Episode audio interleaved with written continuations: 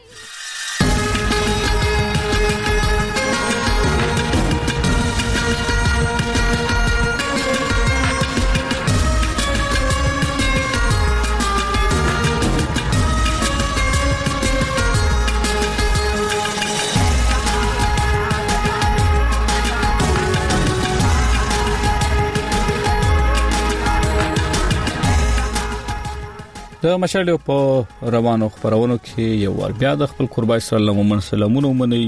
وخت سهار لس بجې شوي په دې غړي کې با اووري د افغانستان د سولې پاړه څو ورستي څرګندونې شوې دي د غراز هلته کې د وی چاودنې پاړه هم راپور لرو او په پاکستان کې د کورونا د مخنیوي په هدف پورته کړل شوی ګامونو باندې به هم تاسو ته معلومات درکو او دوه اونیز خبرونه هم لرو خو پیل په خبرونو کومه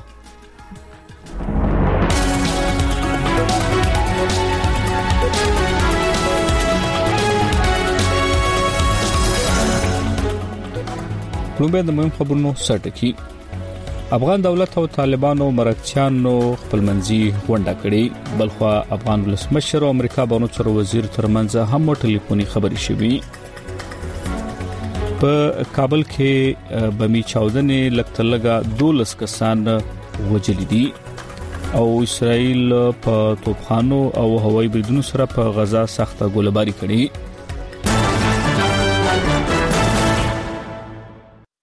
او زه خبرونو تفصيل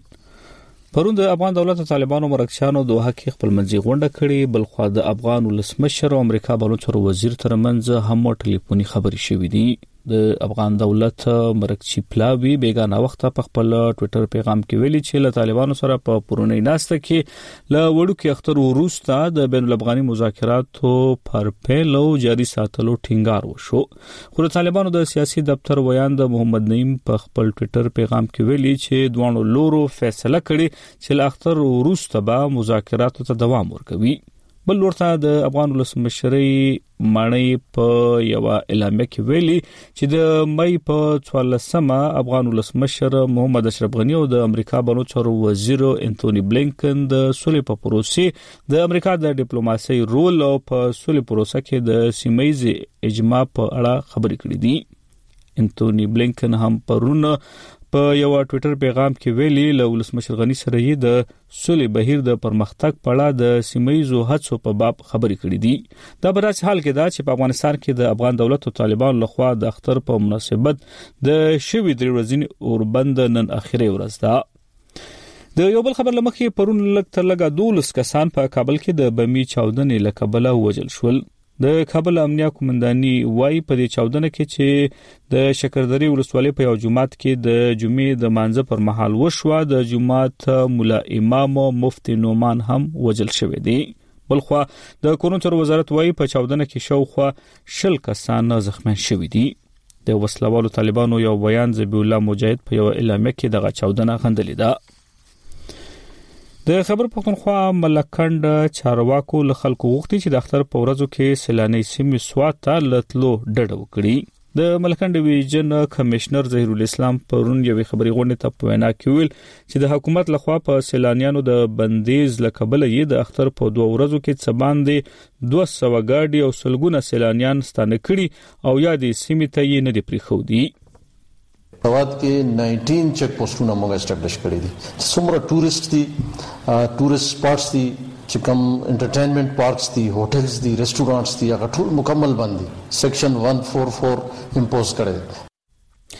پاکستان حکومت د کورونا وبا د مخنیوي په هدف د مې تر 14مې پورې په سلګري بندیز لګولې تر پرونه د مې تر 14مې پورې په پاکستان کې د کورونا وهلو کسانو شمیر اتلکه 33000 200 شل تر رسیدلې په دې اړه شمیري خبرونکو سرکاري ویبپاڼې دا هم لیکلي چې تر اوسه له دې وبا 19340 کسان مړ شوي خو ولکه 80438 ترې رغېدلي اهم دي او اسرائیل په توپخانو او هوایي بریدونو سره په غزا سخته ګولباري کړې خو بیا هم د فلسطینی وسلوالو لخوا د تازه راکټي حملو په درولو کې ناکام شوې دي دا په داسې حال کې دا چې د نړیوالو لخوا پر دواړو خواو د 15 ورځنې جګړې د درولو غږونو باوجود د مرګونو شمیر مخ په زیاتېدو دی په غزا کې د صحت چارواکي وایي چې په 13 مې په 40 منټه عملیاتو کې د لس فلسطینیانو وژل شول چې پکې یوه مور او د هغې درې بچي هم شامل دي چې د خپل لنګیدلي کور له ملبې یې مړي راوستل شول د اسرایلی پوز ویان وایي چې ځواکونو یې په دې جنگ کې یو سل شپېته جنگي جازونه کارولي د دې ترڅنګ له غزې پټي بهر په ټانکونو توپخانو سره اهم دځي کوي د فلسطین سیاست څنګه وایي چې په یاد جګړه کې د وجل شو فلسطینیانو شمیر یو سل 22 تر رسیدلې چې پکې یو د شماشومان او شل خزي هم شامل دي او نه او 900 کسان جوبل شوې دي وسلوال ډلې حماس او اسلامي جهاد په خله کړي چې له دوی شل کسا وجل شوی خو اسرائیل به دغه شمیر زیات خایي په اسرائیل کې هم د یو شپږ کلن ماشوم او یو پوځي سرتیری په ګډون وکسه مړ شوې دي د اسرائیل او فلسطین ترمنځ وروسته تاوتریخواله د تیرې اونۍ په اخر کې د بیت المقدس د الاقصی جماعت په کمپاوند کې د ناارامۍ وروسته رامنځته شوې دي دا جمعه د مسلمانانو او يهودانو دوه لپاره مقدس دي د تر دې مهاله مشال خبرونه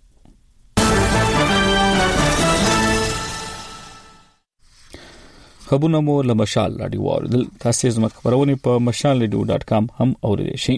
په دې غړي کې د نورو موضوعاتو ترڅنګ د هم اوري چې کوم افغان سوله ده په دغه اړه باندې څه قسمه خبري شوې دي په ورستۍ کې په دې راپور لرو په کابل کې د بمی چاودنې په اړه به تاسو ته راپور وړاندې کوو په پاکستان کې د کورونا او بیا د اختر په ورځو کې د سلګری په اړه باندې هم تاسو ته معلومات بدر کوو په ورستۍ نیمه کې دوه اونیزې خبرونه لرو تورتمونه او سازونه زنجیرونه خو تر هڅه مخکې راځو دیته لکه څنګه چې تاسو په خبرونو کې هم وردل چې د افغان دولت او طالبانو مرکچیانو دوه کې خپل منځي غونډه کړي بلخو افغان ولسمشر هم د امریکا لبنو چارو وزیر سره په افغان سولې او نور موضوعاتو خبرې کړي په دوه کې د افغان دولت او طالبانو مرکچي پلاوی وای په خپل منځي غونډه کې د روان وضعیت او سولې خبرو د چټکتیا په حق لا خبرې کړي دا په داسې حال کې دا چې نن په افغانستان کې د اختر دریم ورځ ده او د افغان دولت او وسلوال طالبان ترمنځ درې ورځنې اوربند د ورځې په اخر کې پای ته رسیدي یاد وی چې ټاکل شوی و د 13 اپریل پر 23مه د افغان دولت او طالبان ترمنځ د ترکیه په استنبول کې هم کانفرنس وشي خو د طالبانو نه ګډون لکبل هغه غونډه وزندول شو نور تفصيل په دې راپور کې د قطر په سر خار دوه کې د افغان دولت او طالبانو مرکچی پلاوی وایي خپل منځي غونډه یې کړې ده دوه لورو په ټوئیټر پیغامونو کې ویلي د روان وضعیت او سولې خبرو د چټکتیا په حق له سره غږیدلې دي د افغان دولت مرکچی پلاوی په دې اړه په خپل ټوئیټر پیغام کې ویلي چې په دې ناسته کې له وړوکي اختر وروسته د مذاکراتو پر پیل او جاري ساتلو ټینګار وشو خو د طالبانو د سیاسي دفتر ویاند محمد نعیم په خپل ټویټر پیغام کې ویلي چې دواړو لورو پریکړه کړې چې له اختر وروسته به هم مذاکراتو ته دوام ورکوي. په قطر کې د بین الافغاني مذاکراتو مرکچي لوري داسې مهال د تازه ناستې او له اختر وروسته د خبرو پیل یا دوام خبره کوي چې پر تیر خالي ورځ طالبانو اعلان وکړ چې د وړوکي اختر په درې ورځو کې به اوربند عملي کوي. د دې په مقابل کې افغان حکومت هم ورته ګام پورته کړ. بل لور ته هم پرون د امریکا بهرنیو چارو وزیر انتوني بلینکن له افغان ولسمشر محمد اشرف غني سره ټلیفوني خبرې کړي. د افغانستان ولسمشرۍ ماڼۍ په یوه اعلامیه کې ویلي دي، دواړو لورو د سولې پروسې، د امریکا د ډیپلوماسۍ رول او په سولې پروسه کې د سیمه ییزې اجماع په اړه خبرې وکړې. په اعلامیه کې راغلي، انتوني بلینکن وویل، امریکا د تېر په څېر د افغانستان د حکومت او خلکو ترڅنګ ده او په نظامي، انکشافي، اقتصادي او د بشري مرستو په ټولو برخو کې به زموږ همکاري دوام ولري. په اعلامیه کې د افغان ولسمشر محمد اشرف غني له قوله ویل شوي چې له افغانستان څخه د نړیوالو ځواکونو وتلو د افغانستان او امریکا او نورو بین المللي شریکانو په اړیکو کې یو نوی فصل پرانیست. او دغه فصل به د دوامداره او معنی لرونکو همکارۍ وي. بل لور ته د امریکا بهرنیو چارو وزیر هم پرون په یوه ټویټر پیغام کې ویلي، له ولسمشر غني سره یې د سولې بهیر د پرمختګ په هکله د سیمه ییزو هڅو په باب خبرې کړې دي. بلېنکن زیاتوي، موږ د خپلې ملګرتیا او افغان امنیتي ځواکونو ملاتړ کوو. ولسمشر غني او ښاغلي بلېنکن ترمنځ ټلېفوني خبرې داسې مهال کېږي چې دا وروستیو کې د امریکا د پوځ مرکزي قومندانۍ، سېنټکام، په یوه اعلامیه کې ویلي، له افغانستانه د ځواکونو د وتلو پروسه شاوخوا دوولس فیصده پرمخ تللې ده. د امریکا ولسمشر جو بایډن تېره میاشت اعلان وکړ چې خپل ځواکونه د سپټمبر تر یوولسمې له افغانستانه وباسي. د بایډن تر دغه اعلان وروسته ناټو هم ویل له امریکا سره یو ځای افغانستان ته راغلي او یو ځای ورسره وځي. مشال لډو ته غوګستي تاسو دغه راپور اوریدو چې د افغان دولت او طالبانو مرکچیانو دوه کې خپل منځي غونډه کړې بلخو افغان ولسمشر د امریکا لبنان چور وزیر سره په افغان سولې او نور موضوعاتو خبرې کړې همدې موضوع کې پاتې کیږو په داسې حال چې افغان حکومت او طالبانو په کوچنی اختر کې اوربن اعلان کړي ولې دا ورځې هم له تاوتریخوالي خالي نه دي د کابل پولیس وايي د ولایت په شکردري ولسوالۍ کې د یو جمعه دننه د جمعې د مانځه پر مهال چاودنه شوې چې پکې د جمعه د خطیب مفتی نومان په ګډونو دولس تنه وجل شوی او څه باندې شل جوبل دي د کابل د پولیسو ویاند مشال ډوتویلی چاودنه د شکردري ولسوالۍ د مراد بیگ سیمې په حاجی بخشي جماعت کې شوې نور تفصيل له کابل د نجيبې ساپي په راپور کې په داسې حال کې چې افغان حکومت او طالبانو په کوچني اختر کې د اوربند اعلان کړی ولی دا ورځ هم له تاوتریخوالي خالی نه دي د کابل د پولیسو ویاند فردوس فرامرز ازادي راډیو ته ویل چاودنه د شکردري ولسوالۍ د مراد بیگ سیمې په حاجی بخشي جماعت کې شوې د اختر لومړی ورځ هم لورته چاودنه سره ملا و په دې ورځ لګتل لګ یو لس ملکی وګړي د ماینونو په چاودنو کې وژل شوی وو افغان چارواکي پرون وویل د کندهار په میوند او پنجوایي ولسوالیو کې دوو چاودنو د ماشومانو په ګډون اوه ملکي وګړي ووژل او درې نورې ټپیان کړل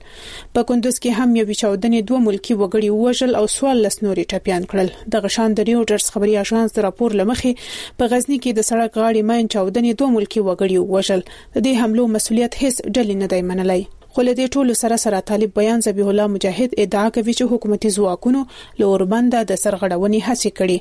مجاهد نن جمعه له ازادي راډیو سره په خبرو کې ویل حکومتي ځواکونو تیر ورځ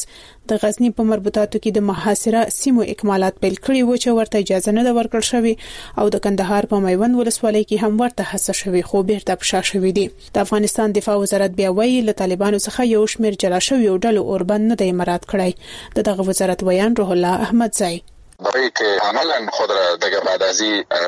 امر طالب هغه ډلې چې د طالب په امر کار نه کوي او ځان جلا ګڼي هغوی اوربند څخه سرغړونه کړې. خو زموږ دفاعي ځواکونو له خلکو څخه په جدیت دفاع کړې ده. ته دفاع کردن. عام وګړي بیا خوښ دي او وايي، اختر د سولې په فضا کې لمانځي. د فراه او ننګرهار دوو اوسېدونکو ازادي راډیو سره په خبرو کې وویل، زما نوم جان اغا صالح دی، د ننګرهار اوسېدونکی یم. په ننګرهار کې سږنی کوچنی اختر په ډېرو ښه یو امنیتي فضا کې خلکو ونمانځه. ډېر زیات خوشحاله مو یعنې نسبت پخوا وختونو ته که موږ په مسجدونو کې د اختر لمونځ ادا کوو، یو ډول ویر راسره و چې خدای مه که په مسجد کې کومه چاودنه ونه شي یا بله کومه مسله پیدا نه شي خو سږ کال چې اوربند شوی و او د امنیتي حالات په اصطلاح یو ډول کابو شوي وو نو تر ډېره موږ په ډېره یو ارامه فضا کې وو داسې یو حالت یې را کوچنی اختر ولمانځه چې بیخي ډاډه وو محمد یعقوب یم د فراه ولایت یو تن اوسېدونکی د اختر په ورځو کې لکه څنګه چې موږ تاسو وینو د طالبانو د خوا څخه ورباندې لان شوی خلک د سولې په فضا کې د اختر ورځ لمانځي او خلک یو د بل کورونو ته ځي زموږ هیله د جنګ د دواړو خواو څخه دا ده چې دا اوربند ته پابند پاتې شي د سولو د سولې د مذاکراتو په نتیجه کې د افغانستان څلوېښت کلنې جګړې ته د پای ټکی پرېږدي ترڅو زموږ افغانان د سولې په فضا کې خپل داسې مراسمونه ولمزوي. طالبانو د یکشنبې ورځې په ماښام د اوربند د اعلان پر مهال وویل، د دوی وسله والو ته امر شوی چې د اختر د درې ورځو په اوږدو کې په ټول هېواد کې تعرضي عملیات ودروي. د افغانستان جمهوري ریاست هم له دې اعلان څخه څو ساعته وروسته وویل چې د هېواد امنیتي او دفاعي ځواکونو ته لارښوونه شوې چې اوربند مراعت کړي.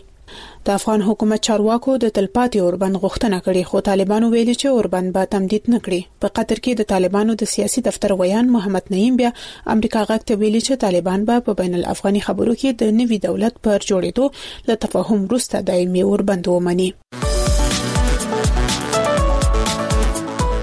د مشال ریډیو د خالی ورځې 19 پروګرامونه تورتمونه په لسنیمو بجو سازونه زنجیرونه په پاوکم یو لسو بجو د کرخې په غاړه په دولس نیمو بجو سندرې جادوګرې په یو نیمه بجا روغتیا او درملنه په دوه نیمو بجو پام کوا په درې نیمو بجو د مشال رادیوي مجله په څلورو بجو سروي په څلور نیمو بجو مشال ډیو ته وګستی او اوس زو سواته د سوات سیلانی سیمې انتظامیه وایي چې د حکومت لخوا په سیلانیانو د بندیز لکبل یې د اختر په دوه ورځو کې څه باندې 200 ګاډي او سلګونه سلګري ل چک پوسټونو څخه ستانه کړي او سیمه ته یې نه دی پریخودي دی وایي د کورونا وبا د مخنیوي په هدف دا کار به د مې تر 14 پورې جاري ساتي تر پرونه پورې په پا پاکستان کې د کورونا وهلو کسانو شمیر اتلکا دریویا زرا 200 تر رسیدلی په دې اړه شمیرې خبرونکو سرکاري وی پاڼې د حمله کلی چې تر وسه لدی وبا 19300 او 400 کسان مړ شوی خو ولکه 18300 او 400 دېرش ترې بیرته رغېدلي هم دي نور تفصیل د نیاز احمد خان په دې راپور کې د وړوکي اختر په موقع حکومت د خیبر پښتونخوا ټولو سیلانیانو سیمو ته د سیلانیانو په تګ بندیز لګولی د کې ضلع سوات هم شامل ده چې پکې مقامي او د بهر سیمو په سیلانیانو بندیز دی دې ترڅنګ د سیرګرۍ په سیمو کې پارکونه او هوټلې هم بندي کړی شوې دي د ملکن ډیویژن کمشنر ظهیر الاسلام د جمعې په ورځ خبریالانو ته ویل چې د حکومت په هدایتو په سختۍ سره عمل روان دی هواد کې 19 چک پوسټونه موږ اسټابلیش کړی دي چې څومره ټوریسټ دي ټوریسټ سپاټس دي چې کوم انټرټینمنت پارکس دي هوټلز دي ریسټورانټس دي هغه ټول مکمل بند دي سیکشن 144 امپوز کړي دې نه علاوه ټرانسپورټرز اډاز، پبلک ټرانسپورټ، په دې باندې پابندي ده د بلکل مکمل کلوزډ دي او سیلډ دي.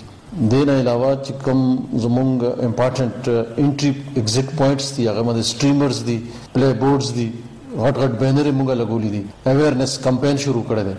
بلخوا د ملکنډ ډیویژن پولیس مشر ډي آی جي عبدالغفور اپریدی وایي چې د حکومت په هدایتو په 19 چک پوسټو پولیس څوکۍ کوي او سوات ته د راتلونکو خلکو شناختي کارت ګوري د چا شناختي کارت چې د سوات نه وي بیرته یې واپس کوي. مونږ انټري اګزیټ پواینټ چې څومره د تګ راتګ لارې دي هلته زمونږ پولیس چمتو دی هلته مونږ سیوا نفري لګولې ده تقریبا دس هزار زمونږ چې کومه نفري ده په مختلفو هغه کې ټول رینج کې مونږ ډیپلوی کړې ده او ټولې لارې چې کوم مونږ هغه ساتو او د بهرنۍ کوم ټوریست نو هغه د کې سخت سره هغه منع کړی شوی دی هغه ته مونږ دا خواسته چې هغه دی کورونو کې سخت حال تیر کی دې هر څه باوجود بیا هم سیلانیان هڅه کوي چې د سوات سیل وکړي د مینګوري په بازار کې د ملګرو سره یو سیلانی چې نوم نه خایي وایي د بر دیر څخه سره د ملګرو راغلی او هر کال سوات ته دوی د اختر په موقع راځي اوس هم لکه په لار باندې سختي مخته ډیره وخت لکه مونږه کسان مسان رشتہ داران یې مونږ د غو سره رابطه ما بیت او کړو نو غو سپورټ مو وکړو کوم مونږه را پرې خو مونږ د شوق نه راغلی لکه د لاک ډاون پابند بم کوغه د شنه چې لکه لاک ډاون دغه ونه کوو نو چې ماسک لازمي دی ماسک ولاګو یو بل نه بلې فاصله ساتو نو څه خبره صحیح ده لاک ډاون خو حکومت اعلان کړو چې لکه سیل سفر دغه دار سبند دي د حکومت لخوا په سیلګرو سیلګرۍ سیمو او هوټل بندیز په امر وړاندې نه د هوټل اسوسییشن اتحادیه مشر زاهد خان ټکونه کړي او ویل دي چې د سره هوټل انډستری ته لوی زیان روان دی هوټل مالکان او اتحادیه وایي چې هر کال به اسوات ته د اختر په موقع تر 15 لکو نه زیات سیلانیانو تک کولو نیاز احمد خان مشال ریډیو سوات مشال رډیو ته غوګسته همدغه موضوع کې پاتې کیږو په پاکستان کې د ډاکټرانو وینا ده په دې هیواد کې د یو څو ورځو راهیسې د کووډ 19 ناروغانو په کیسونو کې کمی لیدل کیږي ځکه چې یو خوا خلکو په اختر کې د حکومت په ورکړل شو احتیاطي لارښوونو عمل وکړ نو بل خو حکومت هم په دې اختر کې په بازارونو د سیل په ځایونو او پارکونو بندیزونه لګولي د ډاکټرانو په خبره کوله سمداسې په احتیاطي لارښوونو عمل ته دوام ورکړل نو راتلونکي وخت کې به د کووډ 19 ناروغي کې سونه نور هم راټیټ شي یا د وی چې په تیر وختونو کې بیا ځنی ډاکټرانو مشاله ډیو ته ویلي وو چې حکومت د کورونا مخنیوي لپاره کوټلې ګامونه نه پورته کوي په نور تفصيل له اسلام آباد د سراج زهیر په دې راپور کې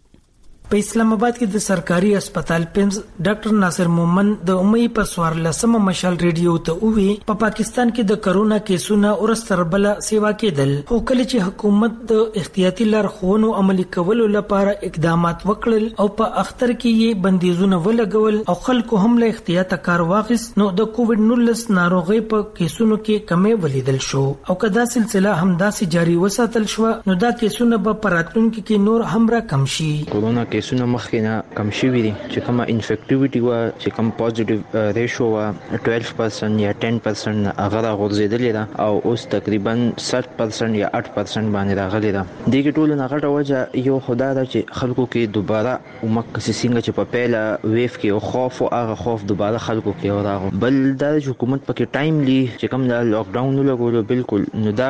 دا ټايمنګ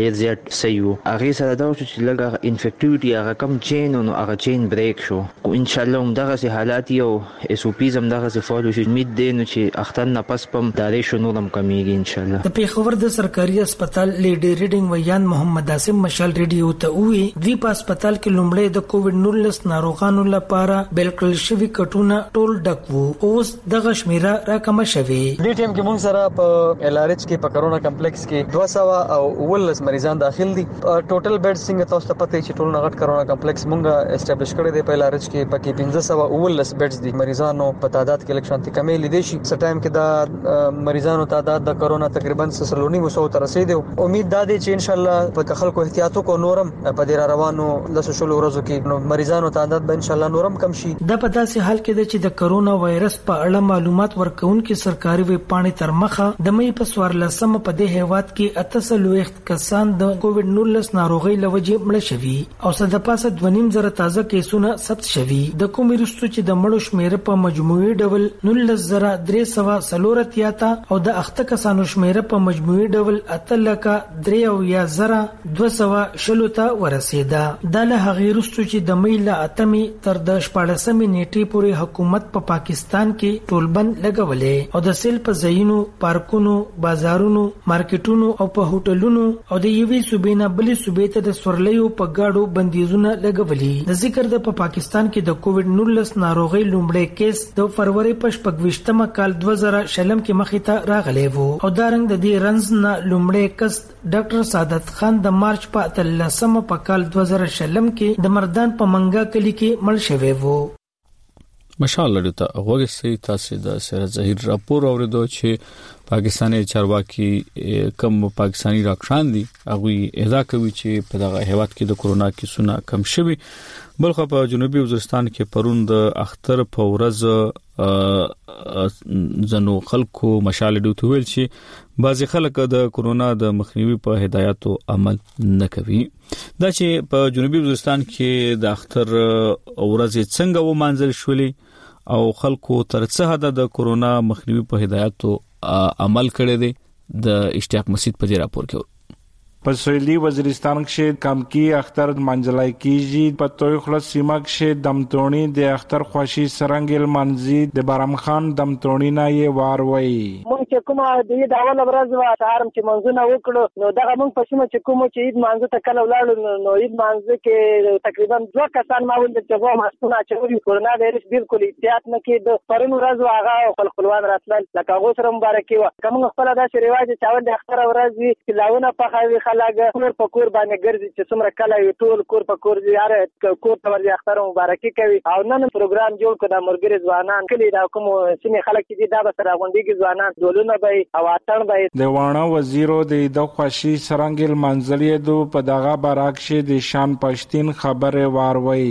می چې کیم دی کوچنی اختر کیما ولنه ریزوی د دل مینځ نه بعد ملګری کلی په کلی ګرځي ټولي په ټولي ګرځي خپل هم دي چې کوم د میزه رواجي خوراکي نه وي په هغه کې ملیدا سوا او تالبار سو او خړې لوس سولې دا په خېزي دو مرز چې کوم وي چې جنوبي وزیرستان کې چې کوم د مسعود لکه دي کاترنګ چې ماکین سره لا دا سوا د رزما کې لکه سو اسماعیل وزیرستان ولور طرف وانه کې چې کوم لکه دي خامرنګ سره سکای سره دا علاقه ته چې کوم د خلک ټولي په ټولي سي او ډالي نه وي بدل نه وي پاتې وي چې کومه رواجي اسانه نه دي قانون جوړ پاسول کی کورونا چې کوم د کترنګ چې نړیواله وابود دار په ځکه هیڅ داسې اقتداري تدابیر نه دي شوي په وزیرستان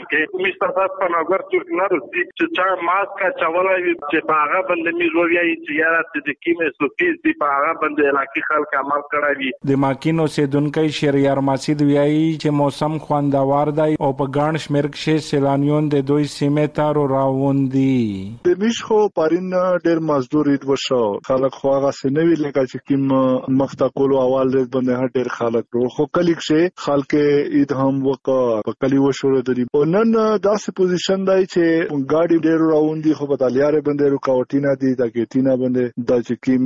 د ګورنمنت اعلان شوی دی د کرونا اس او پیز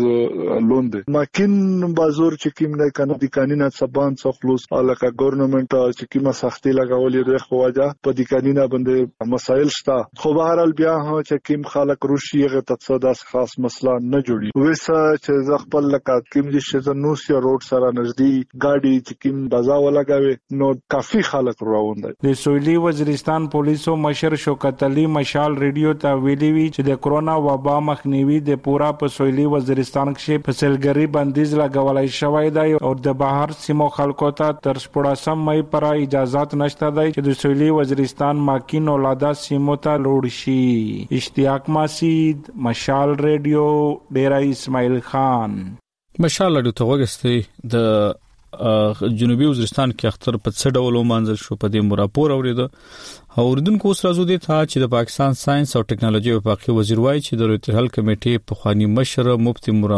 مفتی منیب الرحمن لخوا د اختر لانجمن کولو بیان د غندنې وړ دی د رسول هغه د چې مفتی منیب الرحمن په 13 مې په کراچۍ کې د اختر مونږ په خطبه کې ویل چې خلک د یو قضا روجا ونی سیر د خبره ځکه چې د شپې نا وخت پورې حکومتي ماهرینو ویلي وو چې د اختر میاشت نه دلیدل شوی خو بیا هم مو هغوی په نیمه شپه د اختر اعلان وکړ د نوموړ تر دې بیان وروسته د مذهبي هم اهنګۍ لپاره د پاکستاني وزیر اعظم ځانګړي استاذي حافظ طاهر اشرفي د نوې سپوږمۍ یو عکس په خبرولو سره ویل چې د رویت هلال کمیټې پریکړه سم ده او د قضا روجي نیولو هیڅ ضرورت نشته تفصیل له کراچۍ د نیازلي په دې راپور کې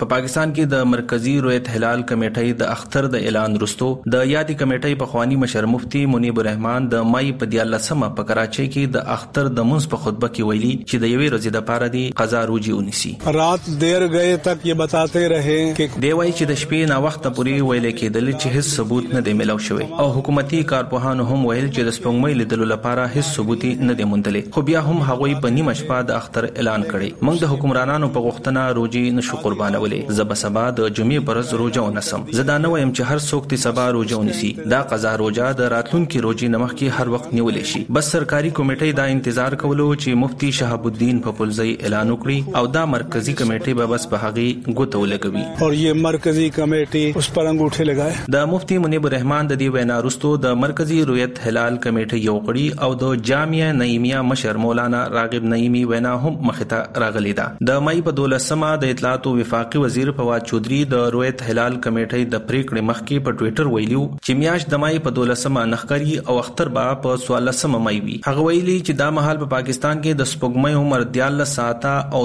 2 صلیخ منټه دی هم له دې له امله دا امکان نه لري چې نن ورځ سپوږمۍ ولیدل شي او بیا هغه ویلي چې په ښکاره وایې چې موږ اختر د افغانستان او سیودي عرب سره کول غواړو خو بیا د ساینس او ټکنالوژي وفاقي وزیر شبلي فراز د مای په دیارلس مه په ټویټر ویلي چې د میاشتې لیدلو په اړه د مفتي منیب الرحمن وینا یا بیان د غندنې وړ دی رویت هلال کمیټۍ د شرعي اصولو سره سمه پریکړه کړې دا بیان غیر مسول دی او د یو منفي چلند عکاسي کوي. د مفتي منیب الرحمن د دې بیان وروسته د مذهبي هم اهنګۍ لپاره د وزیراعظم عمران خان ځانګړی استازی حافظ طاهر اشرفي د پنجشنبې په ماښام د نوي سپوږمۍ یو عکس خپرولو دعوې سره ویلي چې د رویت هلال کمېټۍ پرېکړه ټیک وه، د قضا روژې نیولو هېڅ ضرورت نشته او د رویت هلال کمېټۍ پرېکړه غلطه نه وه. د پاکستان سرکاري رویت هلال کمېټۍ د اعلان نه مخکې په پېښور کې د قاسم علي خان جومات کې ځايي رویت هلال کمېټۍ په غونډه کې د سپوږمۍ د لیدلو شواهد ترلاسه کولو وروسته مفتي پوپلزي د مای په دیارلس مه د اختر کولو اعلان کړی و او د مولانا عبدالخبیر ازاد نه مخکې مفتي منیب الرحمن له شلو کالو راهسې د رویت هلال کمېټۍ مشر پاتې شوی. چې د کال دوه زره نه کال دوه زره شلم پورې مفتي منیب الرحمن د دې کمېټۍ مشر و او بیا واکمن تحریک انصاف حکومت د دسمبر په دېرشمه له کال دوه زره شلم کې له دې دندې لرې کړی. د کلونو راهسې د مفتي منیب الرحمن په مشرۍ کې د روژې او اختر لپاره د میاشتې لیدلو په سر هر کال شخړې راپورته شوې وې چې له امله یې په هېواد کې په یوه ورځ روژه او اختر نه منځل کېدل. نیازعلي، مشال ریډیو، کراچۍ.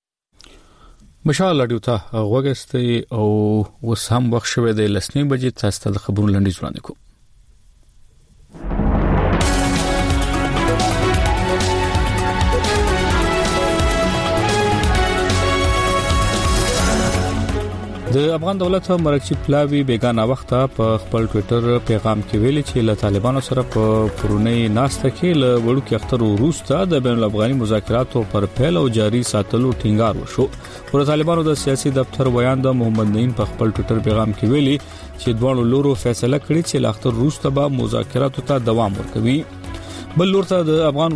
بل لور ته د افغانستان ولسمشرۍ ماڼۍ په یو اعلامیه کې ویلي چې د مې په 14مه افغان ولسمشر محمد اشرف غنی او د امریکا بهرنیو چارو وزیر انټونی بلینکن د سولې په پروسې او نورو موضوعاتو خبرې کړې دا بل سال کې دا چې په افغانستان کې د افغان دولت او طالبان لخوا د اختر په مناسبت د شوی درې ورځنی اوربند نن اخیری ورځ ده د یو بل خبر لمخې پرون لک تلګه 12 کسان په کابل کې د بمی چاودنې لکبله وجل شول د کابل امنیه قومندانۍ وای په دې چاودنه کې چې د شکردلی وسولې په یو جمعات کې د جمعې د مانځ پر مهال وشوه د جمعات مولا امام مفتی نومان هم وجل شوې دی د وسلوال طالبانو یو ویان ذبی الله مجاهد په یو اعلامیه کې د غچاودنه غندلې ده د خبر پښتونخوا ملکن چارواکو له خلکو غوښتي چې د اختر په ورځو کې سیلاني سیمې سواد ته لتلو ډډه وکړي د ملکن ډیویژن کمشنر ظهیر الاسلام پرون جوی خبري غونډه ته په وینا کې ویل چې د حکومت لخوا په سیلانیانو د بندیز لکبل یې د اختر په دوه ورځو کې سباند 200 ګاډي او سلګونه سیلانیان ستانه کړو یا د سیمې ته یې نه پریخودي پاکستان حکومت د کورونا وبا د مخنیوي په هدف د مې تر 14 پورې په سیلګری بندیز لګولې او اسرائیل په توپخانو او هوایي بریدونو سره په غزا سخته ګولباري کړې خو بیا هم د فلسطینی وسلوالې خو بیا هم د فلسطینی وسلوال لخوا د تازه راکټي حملو په درولو کې ناکام شوه دا په داسې حال کې دا چې د نړیوال لخوا پر دوه خو د 15 ورځې جګړې د درولو غوونو باوجود د مرګونو شمیر مخ په زیاتې دوه دي غزا کې د سات چارواکي وایي چې په 13 مې په 40 منټه عملیاتو کې دیالس فلسطینیان وژل شول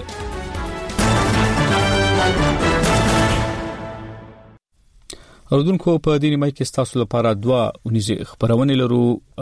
سازونه زنجیرونه او تورتمونه تر هر څه مخکې رازو اونیزه خبرونه تورتمونو پر لور په پاکستان کې یو خوا ورستر بلې په نشو د روغ د کسانو په شمیر کې زیاتواله راځي نو بل خو د نشو د مخنیوي لپاره بیلابل کمپاینونه هم مخ ته وړل کیږي د لاریونونو غونډو او مجلسونو په صورت کې دا ډول کمپاینونه په ولس کې د نشو د زیانونو په اړه په هاوی راولي او د نشو د مخنیوي لپاره هغوی بیدار ساتي د دې ونیزي خبرونه په دغه برخه کې پر همدې موضوع بحث شوه چې د نشو د مخنیوي لړ کې په عام ولس کې تر کوم کچ پوها او بیدارې راغلي د خبرونه هر اونستاسو لپاره امشه اعظمي جوړوي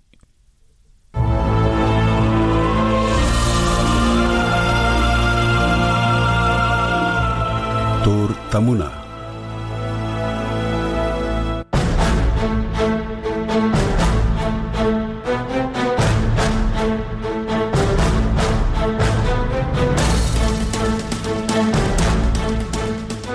د مشال رادیو په ونیز خبرونه تورتمونه کې مزه احمد شاه اعظمي هرکلی کوم په دې خبرونه کې تاسو هر اونۍ په پا پاکستان کې د نشي توکو پر کارونې، لاملونو، تاوانونو او اغیز په اړه بحثونه اورئ. په دې خبرونه کې تاسو په نشو د روزد کسانو درملنه کوونکي یو ډاکټر او ارواپوه سره لنشو او د نشو ناروغانو سره تړل موضوعات باندې مرکه واوریده. پاکستان کې که یو خو بیلابیل ډول نشي پلورل کیږي او میلیونونه کسان پرور شوی دي نو بل خو د نشي توکو د مخنیوي او په دې اړه په ولس کې د پوهې راوستلو لپاره بیلابیل لاریونونه غونډې او مجلسونه کیږي پروانه خبرونه کې پر همدې موضوع بحث شوی چې د نشو د مخنیوي لړ کې په عام ولس کې تر کوم کچ پوهه او بیداری راغلي او د څاغیس کړی دی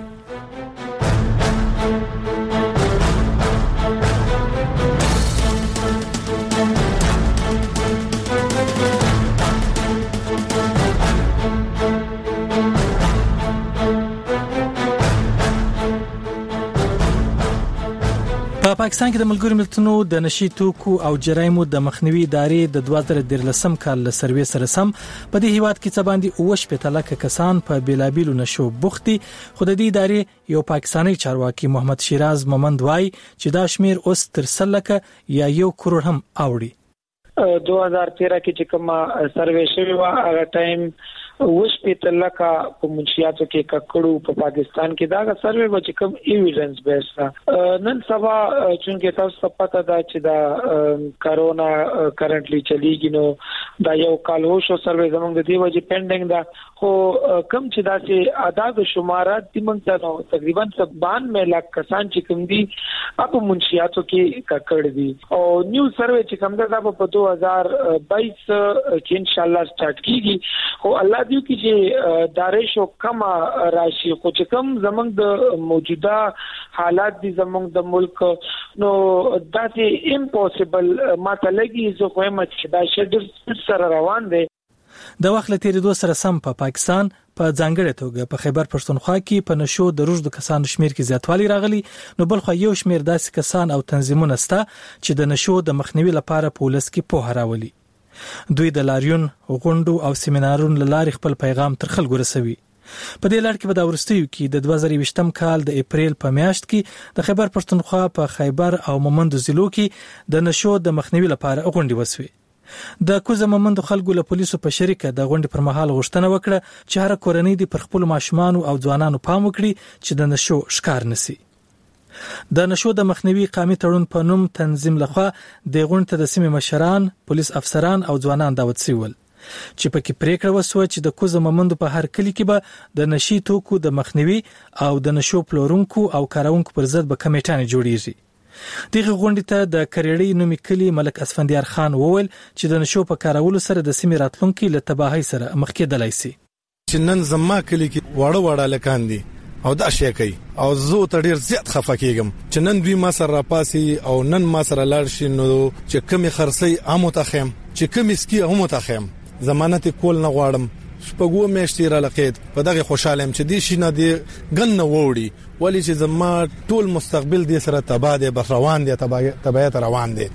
په غونډ کې ویل سول چې ټولې نشې په ځانګړې توګه آیس نومې نشه د انساني ژوند لپاره تر ټولو زیاته خطرناکه ده. د نشو د مخنیوي قامي تړون مشرانو وویل چې د دې نشې په استعمال سره یو شمېر کورنیو ته درانه مالي او ځاني تاوانونه اوښتي دي. پر دې مهال وویل شول چې د آیس د استعمال له کبله یوازې په یاده سیمه کې پنځوس داسې مرګونه شوي چې یا په نشو روږد کس ځان وژنه کړې وي یا یې بل کس وژلی وي. پر دې مهال د بایی کورونو ملک ممریز خان مومند وویل چې د نشو د پلورونکو پر ضد د قامي لښکر جوړولو ته هم چمتو دی ځکه د هغه په وینا آیس د کورنۍ او ټولنې لپاره یو ناسور دی. ايس دومره خطرناکه نشه ده خدای مکه که کور کې یو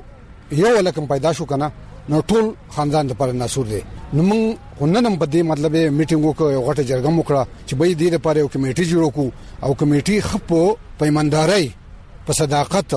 کزما مالی جانی په دې باندې زه لګوم ځکه چې زما قوم بچی ته باقیږي زه به ترون بیا مخکې ما قانون د اختیار لاندې د خیبر پښتونخوا په قبایلي سیمو کې د کلونو له ناامنۍ او ترهګرۍ وروسته اوس یو ځل بیا زیاتره خلک خپلو کلو او کورونو ته ستانه شوي دي. خو د خیبر د زده کوونکو اتحادیې مشر زاهدالله شینواری وايي چې نشې په ځانګړې توګه آیس او هیروین ډېر خطرونه زېږولي دي. د دهشتګردي چې تېره شوې ده نه پس د هیروین و آیس ډېره تباکون نشه راغلي رو او ډیر استیوار او مونږ کو کسو په دا قومونو کې بوړې داسې قومونه ای دا ډیر خلک په او سپیشل په ینګ جنریشن مخته شوی رای د سې روکتام یې نه کیږي تر اوسه پر په ضلع خیبر کې خو انټي نارکاټکس هیڅ رول نشته دا سره د جنگ جګړې مارګ جوب لاغلې ډاکې رخزنی دا ډیر استیوار شوی دی بوړه ډیر پوره منې لوکاوه خو چې اوس یو کس نو شپم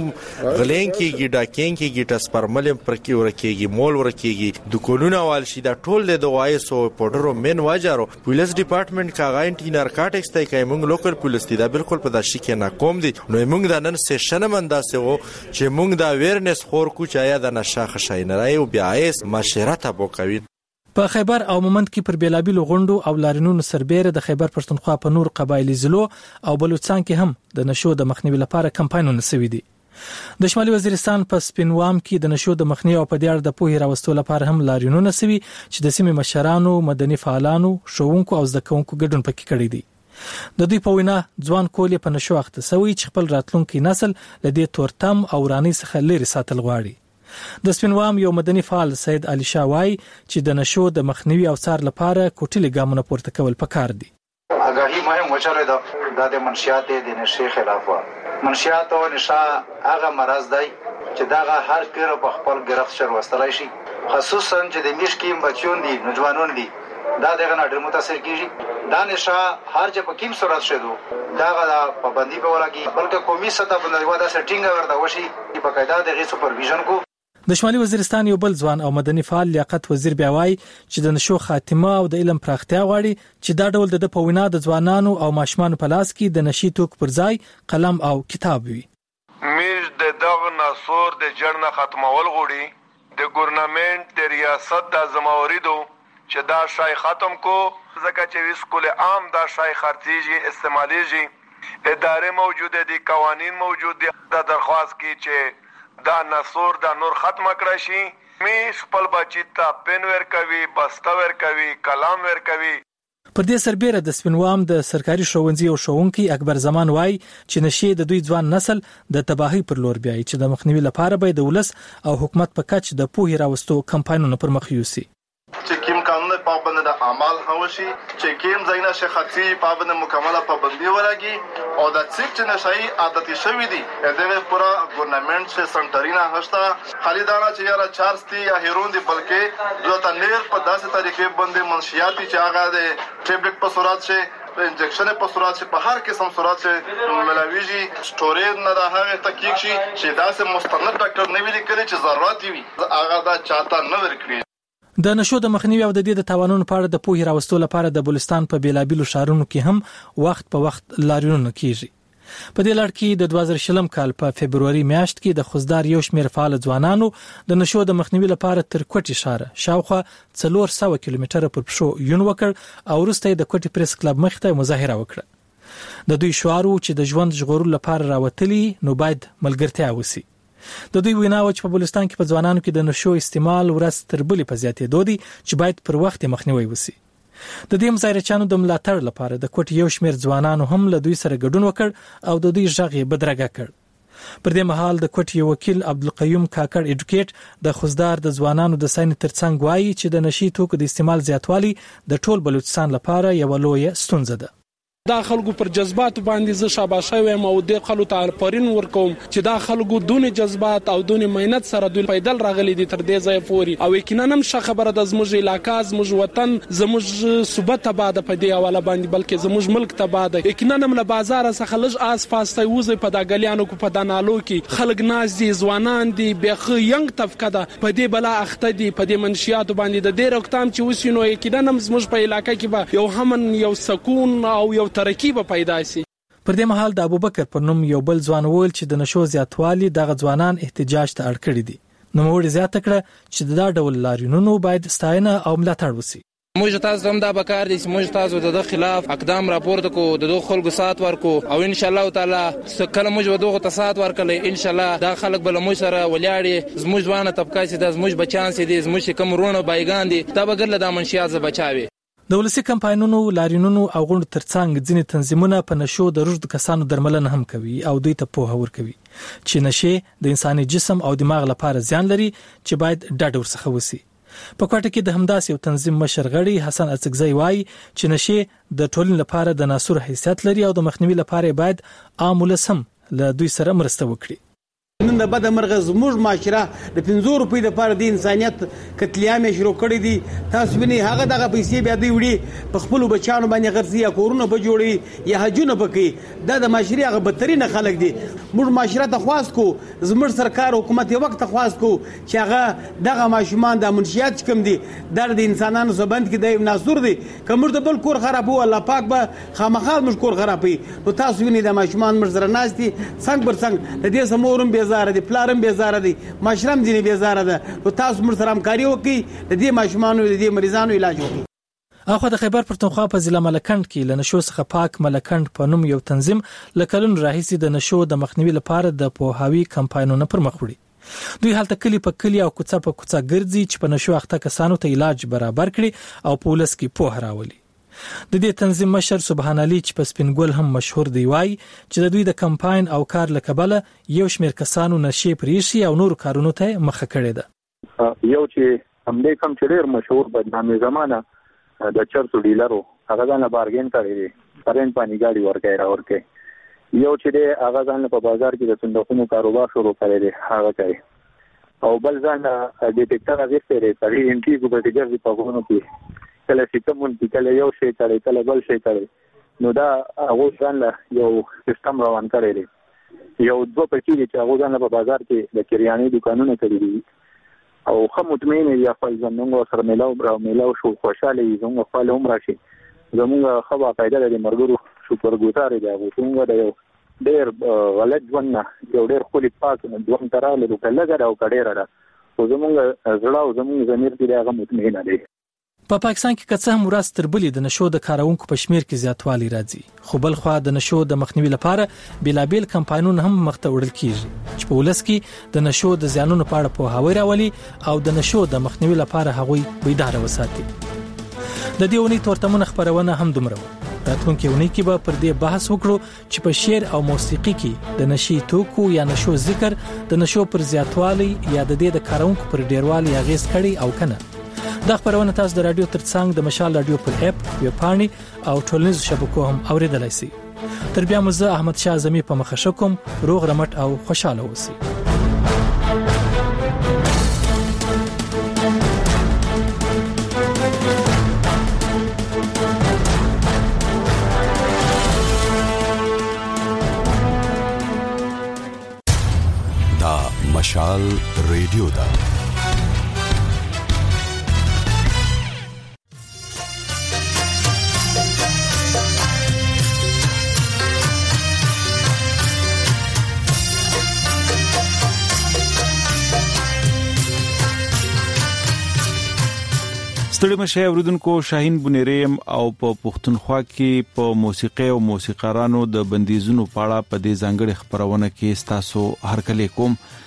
د نن په خبرونه کې د سړنکار او کلتوري چارو د پو شیرالم شینواری سره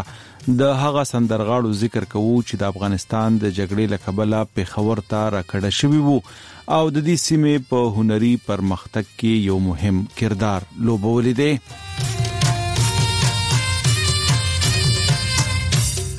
د نولس سوه اتیایم په لسیزه کې په افغانستان کې د جګړې او بېقرارۍ له کبله د سندرغاړو او هنرمندانو ګڼ شمېر کورنۍ پېښور ته راکډه شوې او د ښار په بېلابېلو برخو کې خپلې دفترې او مرکزونه پرانستل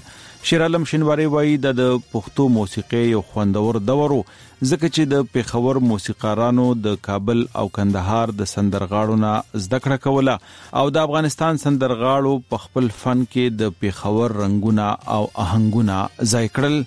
په دې کې چې کوم پښتانه فنکارانو لکه شاه ولي او قمر ګل او داسې نور بلا ډېر فنکاران دا پېښور ته راغلي او دوی په پېښور کې مشت شوي او دوی خپل د فن سکولونه هم کولو کړي لکه دا به وایم چې په پېښور کې صدر کې تاکال کې بورډ بازار کې او د پېښور په نورو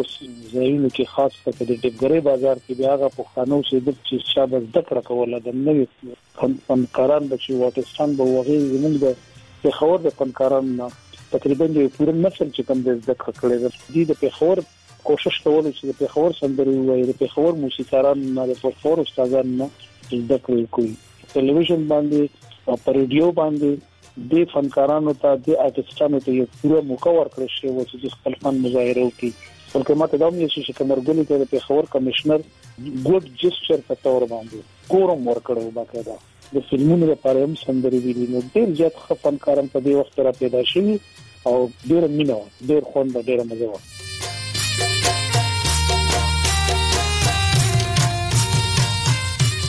شیر عالم شینواری وایي ځنې افغان هنرمندان داسې وو چې هغوی په پیښور کې د موسیقۍ د زده کړو مرکزونه پرانستل او د ساز او سندرې د زده کړې لړۍ پر مخ بوتلله په دې مرکزونو کې یو شمېر مقامي سندرغاړو او موسیقارانو زده کړې وکړې او دغه شان د هنر کاروان خپل مزل لا دوام ورکه غلام سخی نومي او دا غز زوی دی همایون سخی چې اوس بهر ژوند کوي دا غو خو باقاعده په پښتو باندې کتاب لیکلو د رباب په حواله او اگر چې دا غي جبه فارسی و خو په دې مختصر کتاب کې دې شاګردانو ته ښودنه هم کوله د رباب او د رباب نه په رباب باندې په پښتو کې کتاب هم لیکل او ما ورته دا ویل چې دې تاسو خپل څه کنکلوژن دی په دې چې رباب نو هغه دا ثابت کړی او په دې کې چې دا د پښتنو رباب دی دا ساز چې کوم د پښتنو ایجاد کړی دی اگر چې دا غږ په خپل فارسی و بل دا چې هغه کې په ډومبي ځل باندې د رباب نوټیشن وکړل دا یو چې دا رباب دغه نوټیشن چې کوم دی په ذریعہ باندې کولای شي پښتانه چې لکه پړه پښتانه یعنی چارلي کلوز دوی هغه د رباب دغه نوټیشن په ذریعہ باندې دا رومبه کشو چې رباب پټیش کړو او تقریبا د ثوابې نه د پښتنې تر هڅې هر سیمه نه د هر عمر کسان هغه تر خپل دغه شاولي هم ته هغه یو سکول اف ثاټ او بزان نه د خپل شاګردان لرل په خور کې ډیر شاګردان روزلي او سیمه موجود دي ټلویزیون باندې مو پر ډیو باندې خپل فن مظاهره کوي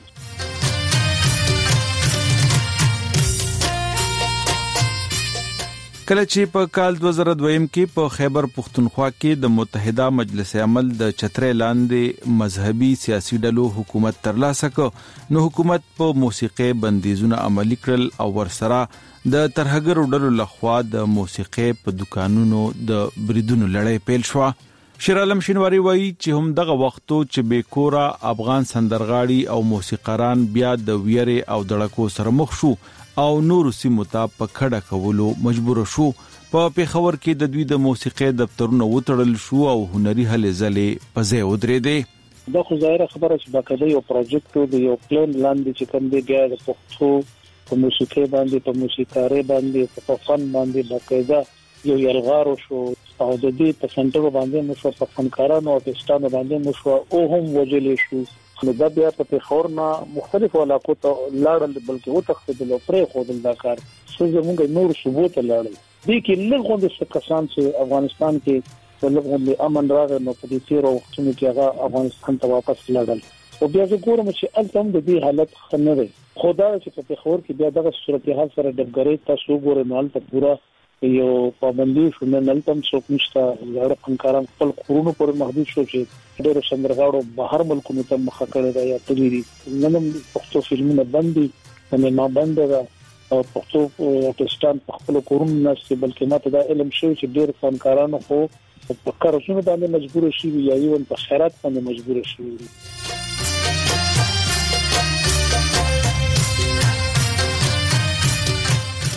په تیر سموده کې په قبایلی ضلعو او سواد کې د ترهګرۍ او بیقرارۍ لکبله د فن او هنر مزل نور هم اغیزمن شو او نن پېښور د یو داسې ښار نقشه وړاندې کوي چرته چې روایتي موسیقي د ورکېدو د خطر سره مخ شوې ده. شیرعالم شینواری وايي، په ټوله پښتونخوا کې داسې یوه تعلیمي یا څېړنیزه اداره نشته چې د موسیقۍ زده کړې ورکړي. مخکې په دې سلیبس کې، په دې کریکولم کې میوزیک هم و، یو مضمون په تور باندې به وو خو چم نه وخصو نه داسو کې انکرج کړی شي تیرو کلونو کې یو الکو چې هغه په پېښور کې ګورنمنت کالج کې د پاکستان سټډي ډېر د استادانو سره په یو څو غوښنه چې لګډر په کوششونو باندې هغه چیرمن صاحب کنوینس کړو چې زه پر رباب باندې کول غواړم دا کلچر زموږ پښتو یو لوی نخښه ده نو هغه وکړو شو چې ام فل یو کیس دی ولي کله که تاسو په علم کې راغلي او یو کس سوچ هغه په ام سی ان او کړل هغه دلته نه نه کړی یو ماستر ډیګري او کړل یو کیس دی او کړل بس دا تر تر دې په خده پورې محدود دي اوس خو نه ارتستان په ګراوند باندې موجود دي نه پروډوسرز موجود دي نو اوس خدا حال دی چې ایون په پیښور کې چې کوم تبله دا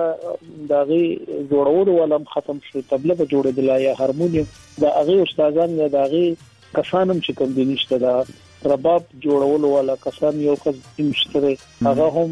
داسې حالت کې چې دغه میټیریل سټاف چې کوم دلته نه اویلیبل نو د هغې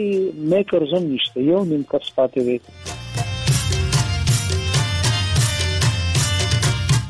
اوردونکو دا وا زمونږ د نن خبرونه را روانه ونه با په ورته موضوع د نور معلوماتو سره راځو د نن د خبرونه نه خپل کوربه شاهین بنيري له اجازه ورکه